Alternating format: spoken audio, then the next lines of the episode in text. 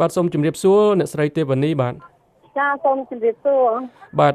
សូមអរគុណអ្នកស្រីទេវនីដែលបានផ្ដល់ពេលដល់ VOA នៅក្នុងបទសម្ភាសន៍នេះបាទអ្នកស្រីទេវនីទើបនឹងបានចេញពីពន្ធនាគារវិញក្រោយពីបានជាប់នៅទីនោះរយៈពេល2ឆ្នាំ ក្រោមបទចោតប្រកាន់តាក់ទងទៅនឹងការប្រមាថអ្នករាជការសាធារណៈនិងបទប្រឆាំងអ្នករាជការសាធារណៈដោយមានស្ថានទម្ងន់ទោសអ្នកស្រីយល់យ៉ាងម៉េចចំពោះការលើកលែងទោសដោយព្រះមហាក្សត្រនៅថ្ងៃនេះចំពោះអ្នកស្រីនិងសកម្មជនបង្កក់3រូបទៀតនោះបាទចាសម្រាប់ការយល់ឃើញរបស់ខ្ញុំខ្ញុំគិតថាវាមានការបកកហល់ហើយវាលឿនហូបពីការស្មានណាដោយសារតែខ្ញុំអត់បានដឹងខ្លួនជាមុនក្រុមគ្រួសារក៏បានដឹងខ្លួនដែរ អញ្ចឹងគឺខ្ញុំមានការចាក់អើលខ្លាំងហើយខ្ញុំគិតថាការដោះលែងនៃសកលនេះខ្ញុំជឿជាក់ថាហើយជាមានការអន្តរាគមពីអង្គការជាតិនិងអន្តរជាតិចាដែលឲ្យមានការដោះលែងមានខ្ញុំមានសេរីភាពតែនៅក្នុងការមានសេរីភាពរបស់ខ្ញុំនេះខ្ញុំខ្ញុំបានដឹងច្បាស់ថាគឺមានការឡាយផលពីព្រះមហាក្សត្រដូច្នេះខ្ញុំក៏សូមអរគុណទៅដល់ព្រះសម្បត្តិចាសញ្ញហមនីដែល បានជួយធ្វើឲ្យខ្ញុំមានសេរីភាពនៅក្នុងថ្ងៃនេះដែរចា៎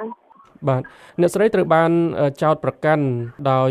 អាជ្ញាធរពីបទប្រមាថអ្នករាជការសាធារណៈនិងបទប្រឆាំងអ្នករាជការសាធារណៈដោយមានស្ថានទម្ងន់ទោសទើបធ្វើឲ្យអ្នកស្រីត្រូវកាត់ទោសឲ្យជាប់ពន្ធនាគារ2ឆ្នាំកន្លះតើអ្នកស្រីយល់យ៉ាងម៉េចឬក៏មានប្រតិកម្មយ៉ាងម៉េចចំពោះការចោទប្រកាន់អ្នកស្រីពីបទនេះបាទចាសម្រាប់អឺអារម្មណ៍របស់ខ្ញុំគឺខ្ញុំ អត់អាចទទួលយកបានទេការចោទប្រកាន់ថាខ្ញុំបានប្រព្រឹត្តនៅទៅហិង្សាដោយចេតនាទៅលើមន្ត្រីសន្តិសុខទាំងពីរនាក់នៅ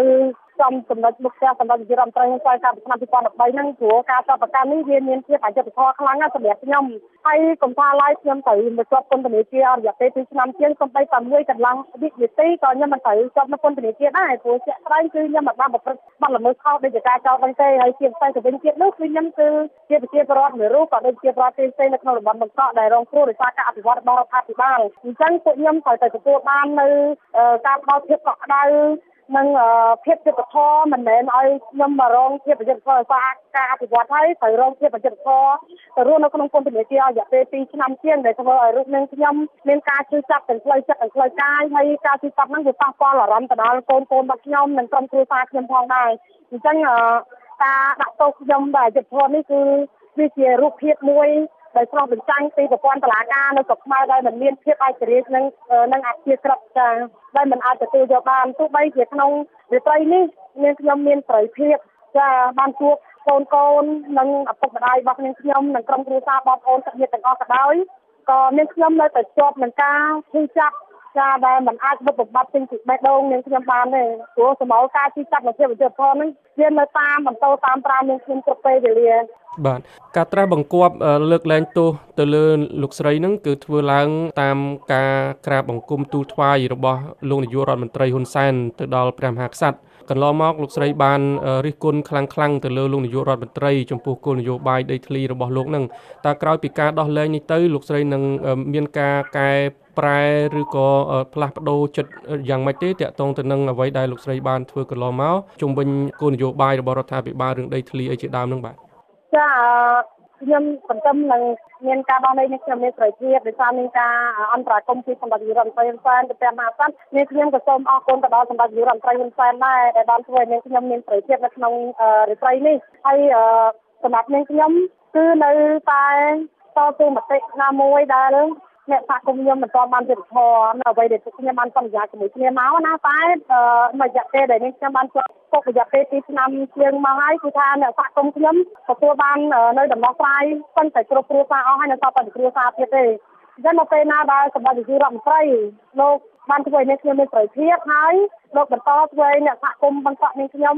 ទទួលបានដំណោះស្រាយគ្រប់គ្នាអស់នោះគឺថា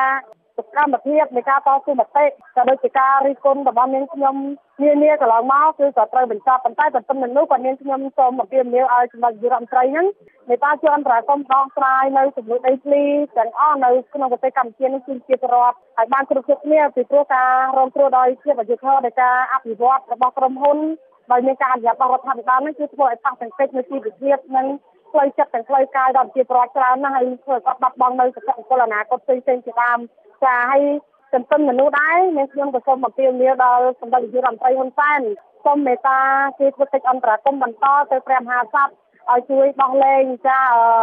អ្នកសារព័ត៌មានចំនួន2រូបទៀតដែលជាបុគ្គលិករបស់វិទ្យុអេស៊ីសេរីដែលមានលោកអ៊ុនខិននិងលោកជាវិជាមេតាដែលក៏កំពុងតែរងគ្រោះដោយជាវិជាធននៅក្នុងពន្ធនាគារផងដែរនិងមេតាជួយអន្តរាគមន៍ទៅព្រះមហាក្សត្រឲ្យដោះលែងសកម្មជនគណៈបកនយោបាយចាទាំងអស់ឲ្យគាត់មានសេរីភាពដូចជាមានខ្ញុំនៅរាត្រីយប់នេះផងដែរចាពីព្រោះពួកគាត់ទាំងអស់គ្នាកំពុងតែរងចាំសេរីភាពដូចជាមានខ្ញុំបានមានសេរីភាពថ្ងៃនេះអញ្ចឹងហើយក្រុមគ្រួសារក៏កំពុងរងចាំពួកគាត់ចា បាទកន្លងមកតែងតែមានការរិះគន់ប្រព័ន្ធយុតិធធនៅក្នុងប្រទេសកម្ពុជាថាចាប់តែមនុស្សមិនមានទោសពៃដាក់ក្នុងពន្ធនាគារហើយក្រោយមកបានត្រឹមតែដោះលែងឡើងវិញក្នុងករណីនេះអ្នកស្រីគិតថាតើអ្នកស្រីនឹងធ្វើអ្វីទៀតទេទៀមទាឬក៏តវ៉ាដើម្បីភាពយុតិធធដែលអ្នកស្រីបានលើកឡើងកន្លងមកយ៉ាងម៉េចទៀតទេបាទខ្ញុំយល់ឃើញថាទន្ទឹមតែមានការដោះលែងលោកកឹមសុខនិង ក្នុងថ្ងៃនេះមានខ្ញុំមានការដោះលែងនិងមានសេរីភាពខ្ញុំជឿជាក់ថារាជរដ្ឋាភិបាលនឹងបន្តការដោះលែងអ្នកដែលកំពុងជាប់ឃុំខ្លួនអយុត្តិធម៌ទាំងអស់ឲ្យមានសេរីភាពឡើងវិញហើយនឹងមានការកែប្រែនៅភាពអយុត្តិធម៌កន្លងមកដែលពីមុនដែលធ្លាប់មាននឹងឲ្យមានភាពយុត្តិធម៌សម្រាប់ប្រជាពលរដ្ឋវិញ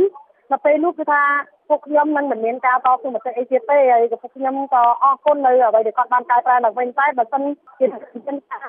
បំបត្តិសិទ្ធិសេរីភាពក្នុងកម្មវិធីពិសេសនិងការប្រើប្រាស់ប្រព័ន្ធតុលាការចាប់ប្រជាពលរដ្ឋដែលរងគ្រោះនិងអ្នកនយោបាយណាទៅជាអ្នកយុទ្ធធនហ្នឹងខ្ញុំជឿថា